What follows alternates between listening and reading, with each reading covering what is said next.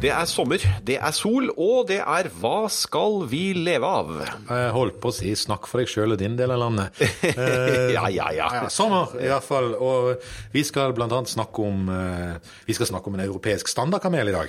Den skal vi forsøke å svelge, og så skal vi høre om eh, Ja, vi, vi skal vel ikke si at det er usynlig, men noe nær usynlige vindmøller. Kanskje det kan være løsningen? Kanskje det kan være løsningen. Og så skal vi snakke litt om, om rev. Ja.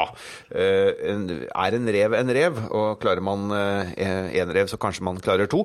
Eh, Vi får komme tilbake igjen til det. Vi, det er eh, deg, Tom Christer Nilsen. Og deg, Kårstein Eidem Løvås. Begge fra Høyre, og begge på Stortinget, og begge i Stortingets næringskomité. Og vi har altså satt oss for å finne ut hva skal vi leve av. Og for å finne ut hva vi skal leve av, så kan ikke bare du og jeg sitte og drodle, vi må basere oss på seriøs og valid forskning. Seriøs og valid, ja.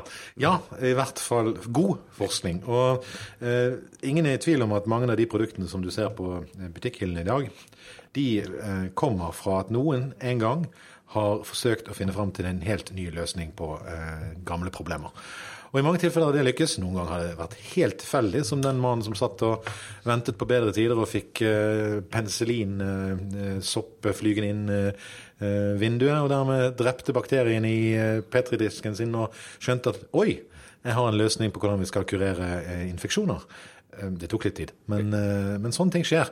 Men som oftest så skjer det over lang tid, og det skjer med stor innsats for mange. Og hadde han ikke hatt en petriskål der, så hadde det ikke skjedd. Så det var jo i utgangspunktet forskning, det også. Men eh, før vi dykker litt sånn dypere ned, for det er jo ikke det å stikke under en stol at hvis du hører på eh, Dagsnytt 18 eller ser Debatten, så er det 'forskning viser at', og 'nyere forskning viser at'. Og så er man gjerne ganske bastant og legger forskningsresultater på bordet, og så går det gjerne under et minutt, så legger motparten andre forskningsresultater på det samme bordet, men med annet resultat. Ja, Spesielt syns jeg det er ganske artig å høre på eh, og legge merke til alle typer rapporter. Eh, For det rapporteres om så mye rart, og det fremstilles ofte som god eh, publisert forskning og en rapport har samme verdi. Men det har du ikke. Hvem som helst kan lage en rapport. Har du laget en rapport?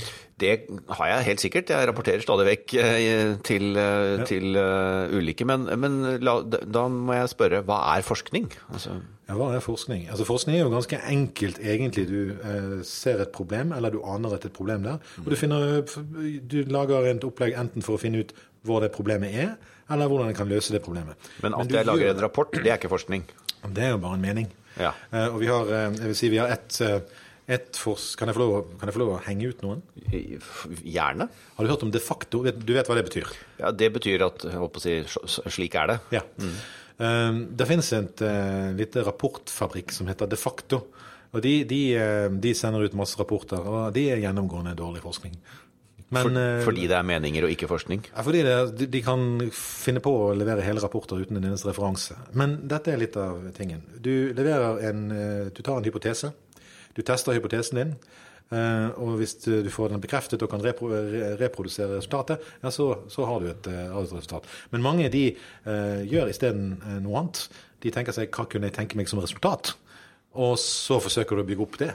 Og så- bygge opp rundt det. Så pakker man, det, pakker man det inn i det etterpå. Men eh, vi kan, la oss eh, bruke noen eh, minutter på, på klimasaken. Da, fordi det er jo der her slår man hverandre i hodet med forskning ja. hele tiden. og det er jo veldig utbredt oppfatning at det er stor andel og stor konsensus rundt klimaendringer. Men så kommer andre med andre forskningsrapporter som sier noe annet. via klimarealistene, f.eks. Ja, de, de, de, er, de er ekstremt morsomme. Men er det ikke forskning? Nei. Nei. Det, det, det vil si det er det ikke. Det er meget selektiv utvalg av resultater fra andres forskning. Jeg kan gi et eksempel. I en av klimarealistenes nyhetsbrev så eh, pekte de på at det var en eh, nederlandsk forsker som hadde kommet fram til at 1,5 grads oppvarming det ville være en fordel for matproduksjonen eh, i verden. Det hadde han kommet fram til. Det klimarealistene glemte, glemte å si, det var at året etter altså ett år etterpå, så sjekket den nederlandske forskeren sine egne resultater og kom til motsatt resultat. Ah, Og det nevner de aldri. nettopp. Så det er beleilig å, å utelate. Kan hvem som helst kalle seg forsker? Ja, men det er vel ikke en beskyttet tittel, nei. Ja, altså- ja og, det gjør, og det gjør de. ja, og det gjør de. Ja, det, det er sant. Det kan eh, nesten hvem som helst eh, gjøre. Men eh, når det er sagt, vi har et ganske godt system for, for at forskere skal få publisert resultatene sine. Men, men hvordan skal jeg da vite, altså hvordan skal jeg være kildekritisk, hvordan skal jeg vite hva som er god forskning, når jeg sitter og leser ulike folk påstå ulike ting? Ja, Det første sjekklist på sjekklisten er jo hvis det er for godt til å være sant, så er det sannsynligvis ikke sant. Det, det er det første du kan eh, ta og sjekke av. Det andre det er eh, hvor kommer resultatet fra? Og det, det er sånn, ofte har du sånt oppslag, oppslag i Nettavisen eller et, ja, Nettavisen ikke noe bedre eller dårligere enn andre. Men altså et eller annet Jo, sted sier- det er det, men det er en annen, det er en Nyere annen. forskning viser, Ja. sant, som, du, som du sa. Eh, da bør du sjekke eh, kilden til den nyere forskningen. Mm. Da, da kan du finne morsomme ting. Det det for de som har tid og anledning en sommer, eh, og det regner litt, som det av og til gjør i noen deler av landet, så kan en ta og sjekke noen referanser på de. Det ligger ofte en link, og så kan du ofte oppdage at rapporten sier akkurat det motsatte av det eh, avisartikkelen sier. For da har man bare plukket ut eh, løsrevne sitater eller tilpasset det. Du har, eh, det er ikke så veldig lenge siden så hørte jeg deg eh, brumme i gangene her på Stortinget, fordi da jobb, jobbet Gangebrumming er en, hobby- en hobby. jeg det er en hobby, det kan jeg bekrefte. Og da var det mumle, mumle forskning, mumle, mumle insekter, mumle, mumle er ikke sant, mumle, mumle massedød. Hva, hva var det du var oppgitt over? Ja, først vil jeg si at, at jeg er veldig opptatt av god forskning, og jeg er opptatt av at vi bruker ressurser på det. Og den regjeringen vi har nå, har faktisk økt ressursbruken på det ganske, ganske mye. Og det får neste generasjon nyte godt av. Så det er utrolig viktig. Men av og til så kommer det resultater som er litt for dårlige til å være sant, eller for gode til å være sant. Og det var det jeg brummet om akkurat da. For da var det et oppslag i all verdens aviser, og inkludert nesten alle norske større medier. NRK, Dagbladet, flere. Alle insekter dør, er døde om 100 år. Ja. Det, det var jo Jeg skvatt jo da, tenkte jeg, men det er jo dumt, for det, de eh, pollinerer. altså de, eh, Det blir jo ikke mat hvis ikke frukttrærne og plantene får formert seg. og det Alle husker jo blomsten og bien og Ja, og akkurat der du sitter nå, sånt, i et Sommer-Norge, kanskje litt utpå ettermiddagen, og kanskje litt fuktig, eh, og det er litt mygg og sånn, og flygestykkdyrene kravler og flyger rundt omkring, så kan en tenke seg at ja, oi, det hadde vært bra. Men da har jeg bare å si det at alle stikkeflygedyrene skulle være vekk i løpet av de neste 100 årene, det er for godt til å være sant. Ja. Eh, og heldigvis. Eh, for de som, de som lagde den forskningen, de gjorde forskning omtrent på samme måte som Reset Resett skriver avisartikler. Eh, de eh, gikk inn i en forskningsdatabase. Den skal de ha. De gikk eh, for å finne andres forskning, ikke egen forskning, men andres forskning. Og Der er det sånn søke, søkefelt à la Google. Tenk på et Google forskning Google. Eh, og Der søkte de etter insekt, nedgang. ja. Og så fikk de masse masse det var det. Ja. og der, og da, når du da søker etter uh, uh, forskning som viser at insekter går, uh, insektmengden går ned, ja, så får du selvfølgelig ut det. Og da fikk de eh, ut 673 Artikler. artikler som snakket om insekts nedgang i bestanden av insekter. Nettopp. Så hvis man hadde søkt insekt og oppgang, så hadde man fått et annet resultat. 2200. Ja, det, Og så skal det sies at sånn det er ikke så lett å sammenligne sånne. Men, men uh, uansett, og uttalelsen fra den forskeren som, uh, som var, var ganske den, den kvalifiserer til legendarisk. For han sa følgende når han ble spurt om akkurat dette av BBC. Så sa han nei, ja, selv om vi ikke har noe statistisk bevis for det, eller hva som helst, så, eller noe sånt, så, så skjer det allikevel. ja nettopp. Ja. Um, og det problemet er at det, det gjør det ikke. Altså, um, det er et stort problem med nedgang i insekter, men ikke på den måten som disse forskerne hadde, hadde fått det til. En av de forskningsrapportene de la til grunn for sin, eh, sin undersøkelse, var en undersøkelse av Det var to, hele to undersøkelser av eh, tannbier i Australia. Hva for noe kalte du dem? Tannbier, altså sånne bier som folk Ja, har i bikuber. Ja, ja, nemlig. Så Mm. altså, det var færre bier i bikuber i Australia, og derfor mente man at insekter var på, ned, på vei ned i det kontinentet. I det hele tatt så var utvalget sånn at du kunne si noe om bier i, øh, og insekter i Europa, og kanskje litt i Nord-Amerika, men ellers ikke. Kan man, eh, for å være litt filosofisk og fremoverskuende, kan, vi si at uh, alternative medier og måten, ting, måten informasjon distribueres på i våre dager, er en trussel mot seriøs forskning? ja, det kan du si. Og vet du hva som skjedde så? Etter disse artiklene var kommet, og denne dårlige forskningen var presentert som sannhet, da kom det til Stortinget. I form av et representantforslag? I form av et forslag. Ja. Basert på denne forskningen. Så begrunnet i denne, denne manglende forskningen, så ble det fremmet et representantforslag av Kristoffer eh, Robin Haug, mm. eh, som tok utgangspunkt i dette resultatet og sa at vi må gjøre noe med dette pga. Eh, disse resultatene. Og det er utfordringer med, med, med, insekter, men det er ikke den typen utfordringer. Og dermed så var risikoen for at til og med norske storting gjorde beslutninger på helt fullstendig feil grunnlag. Og det vil jo noen si at det gjør de altfor ofte. Og det vil jeg si at av og til så hører en litt på mye for forskning som ikke er forskning. Da vedtar vi at det forslaget vedlegges protokollen, som det heter.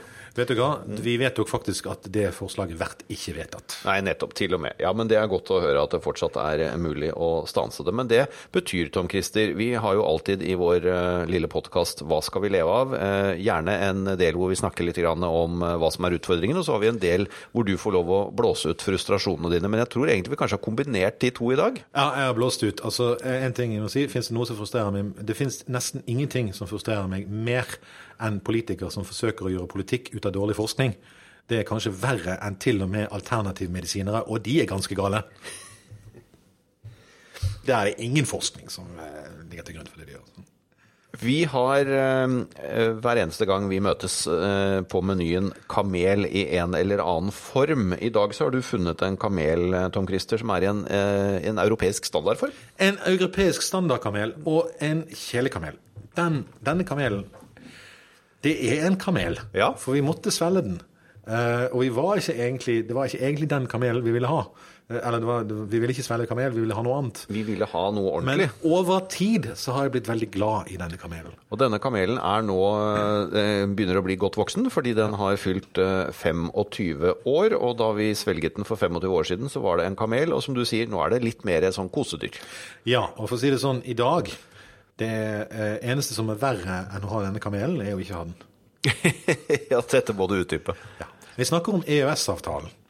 Eh, den var jo egentlig For Høyre så var jo det eh, bare et dårlig alternativ til et EU-medlemskap. Og jeg mener fortsatt at EU-medlemskap hadde vært bedre. Vi er jo de eneste som faktisk mener det. Det er jo ingen partier bortsett fra Høyre som har i sitt partiprogram at vi mener at et EU-medlemskap er det som er det riktige. Absolutt. Fordi vi også ønsker den politiske innflytelsen som det medfører. Men, det må jeg si, Uten EØS-avtalen så hadde det stått dårlig til her eh, i dette landet.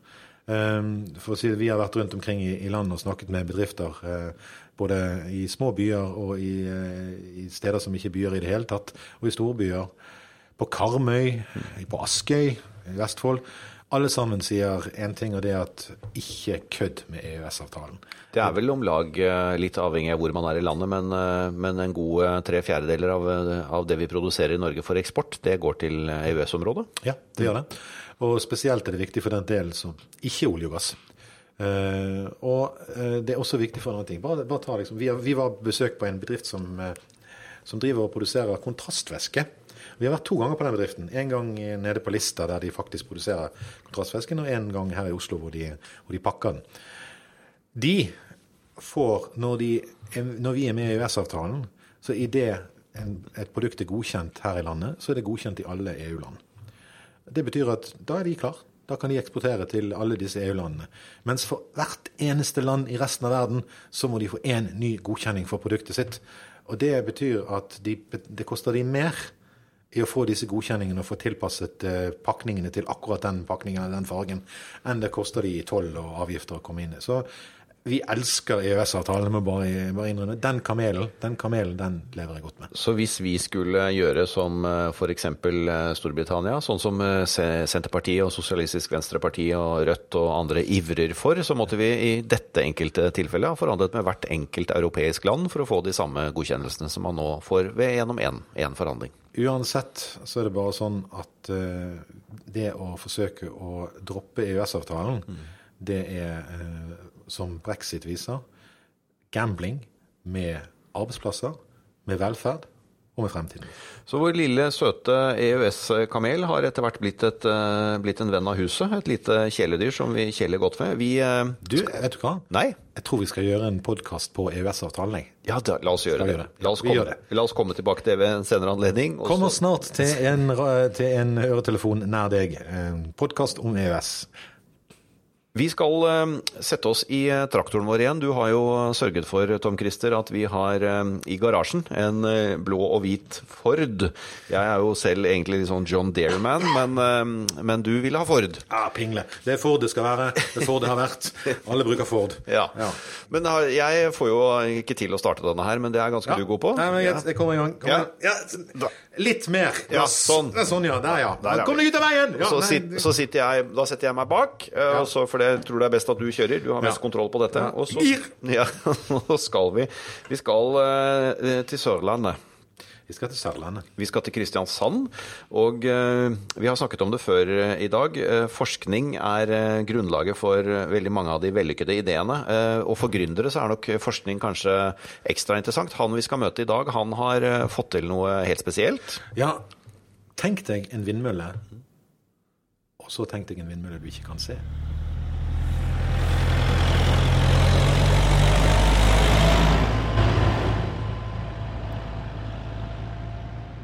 Jeg har eh, stoppet en i forbifarten som heter Jon Fasting eh, Sørbø. Han uh, traff jeg på Coworks, et ja, skal vi kalle det et gründerhus i Kristiansand, hvor utrolig mange kloke hoder forsøker å få ideen sin til å fly. aller først, kan du beskrive hva det er du har utviklet? ja, det er jo da en powerbank for eh, smarte byer og bygder. Eh, som da egentlig går på, eh, som er selvforsynt av, av, fornybare energier, drevet av sol og vind. Hvor da du kan koble til, til, til energikrevende produkter. Så ja, så Dette kan være alt ifra langs landeveien for å drive eh, enkle installasjoner, skilt eller, eh, eller andre ting, til eh, et supplement til det tradisjonelle strømnettet? Det er riktig. Alt ifra da sensorteknologi og sånt på, på, på, på mm, vær, klima, luftkvalitet og f.eks. trafikktelling, altså syklister og sånne ting, eh, der du bruker kramer og teknologi. Så, eller som en tradisjonell lyktestolpe, eh, der du ikke da har tilgjengelig strømnett, f.eks. Eh, men som du også nevner, at du da, du, hvis du da har eh, infrastrukturen tilgjengelig, så kan du koble det her til eh, eh, strømnettet, og da være en leverandør av strøm. Bildet du viste var av en, eh, et ganske flott design. Eh, så ut som en eh, slags mast i litt duse farger, som da skjuler noen solceller. Og så en slags en, en liten sånn skovl på toppen, som, som, da åpenbart går rundt når det blåser.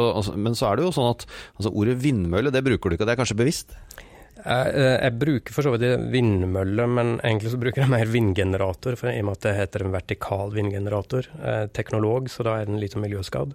Eh, så, men i prinsippet så er det en vertikal vindmølle da, som står på toppen. Og det er jo da Fordelene med det er det at de er mindre, og de har tilnærmet ingen støy. Og så får du heller ingen sånn flimringeffekt som du kan få av de her store, eller tradisjonelle vindmøllene. Så, så, denne type, eller måten å tenke vindmøller på, kan, eh, kan, kanskje være en, eh, en, heldig utvikling for vindkraftdebatten? fordi her kan man også se for seg en slags type vindmøller som både ser ålreit ut, og som tar mindre plass, og som ikke støyer? Ja, eh, altså som du sa, da, så er det litt sånn designa eh, uttrykk på det her, og skjulte solceller. Så jeg vi da veldig opptatt av at eh, det her skal heller ikke være noen sånn visuell forsøpling. Eh, men òg at du kan skalere det her veldig enkelt, eh, til da f.eks. å være langs motorveier og bruke eksisterende infrastruktur da, til å kunne generere enda mer strøm. Eh, at du da eh, kan være en bidragsyter, en stor bidragsyter for, for, for, for, fornybar energi videre på nettet. Og Hvor kommer vi til å se de første eksemplene, tror du? Nå har jeg en pilottest som skal i gang her i Kristiansand i høst 2019. Så uh, det kommer nok til å være litt i urbane strøk til å begynne med, men uh, visjonen er jo da som uh, å gå storskala, som jeg kaller det. De her tradisjonelle vindmøllene jeg ville kanskje ha kalt det veldig smått. men det er jo Jeg tenker òg mange små som kan erstatte én stor. Gjør systemet mindre sårbart hvis en faller ut. Lykke til. Tusen takk.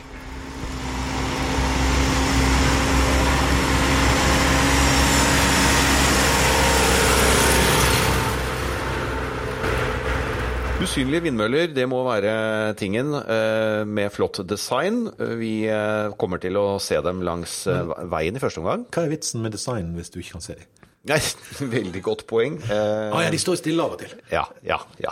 Nei, Du må ikke stille så vanskelige spørsmål, eh, Tom Christer. Men vi, skal, vi har en annen eh, stadig tilbakevendende post i podkasten vår, og du må nesten eh, si det, fordi eh, opphavet er av bergensk eh, klang. og Jeg ville ikke brukt akkurat de ordene. Nettopp. I dag så handler det om ja. Vet du forresten hvorfor alle bergensere, sånne virkelig snobbete bergensere snakker med, med, med, med igjen på denne denne måten. Har det med motvind å gjøre?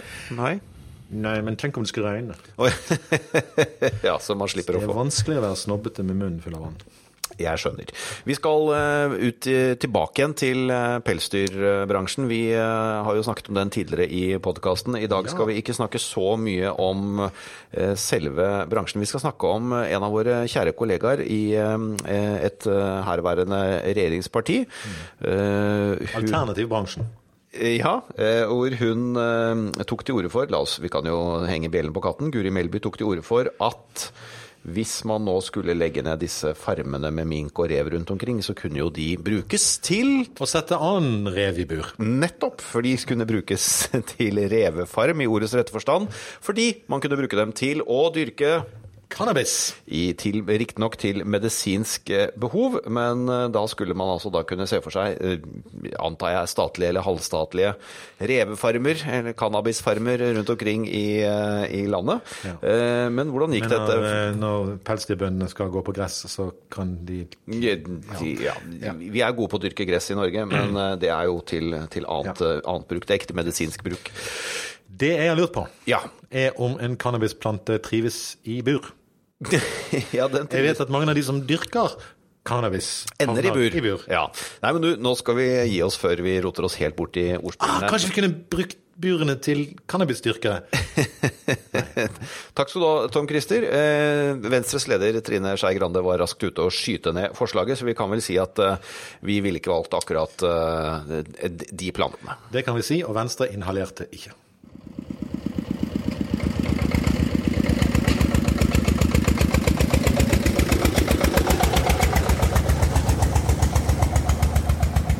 Det er eh, sommertid, og eh, jeg eh, er nødt til å henlede oppmerksomheten til Nettavisen. Du nevnte så vidt Nettavisen tidligere i dag, Tom Christer. Og Nettavisens redaktør Gunnar Stavrum han har en høne å plukke med deg og meg.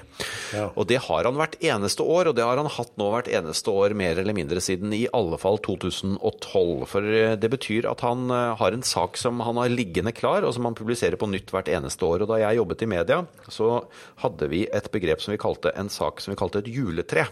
Et juletre? Et juletre. Og en, en juletresak det var rett og slett en sak som var repetitiv, som kom tilbake hvert eneste år, og som var helt lik fra år til år. Som var den 1. desember trykker vi på knappen? Det er helt riktig. Og grunnen til at den het juletre, var at den uh, tok utgangspunkt i saken om det norske juletreet på Trafalgar Square i London, som jo er det samme hvert eneste år.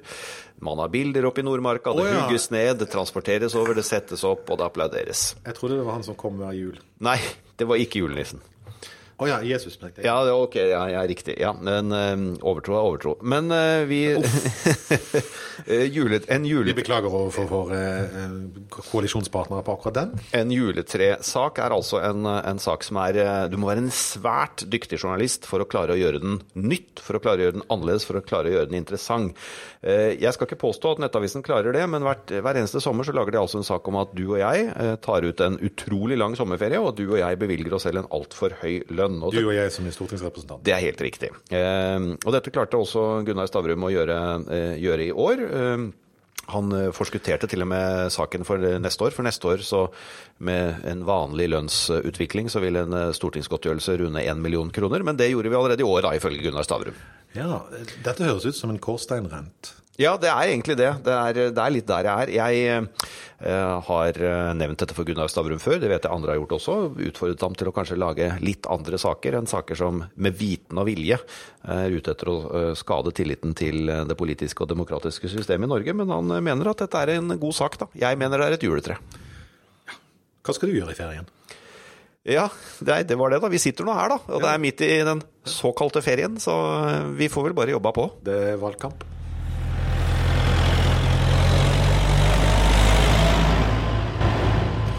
Da var vi kommet til slutten av denne episoden av eh, Hva skal vi leve av? Eller som de mer eh, eh, dialektiske fintfølende sier det. Hva skal vi leve av? Og eh, Tom Christer Nielsen. Kårstein Eidem Løvaas. Takker for denne gang, og ha en fortsatt god sommerkveld. Eh, vi kommer hurtig tilbake.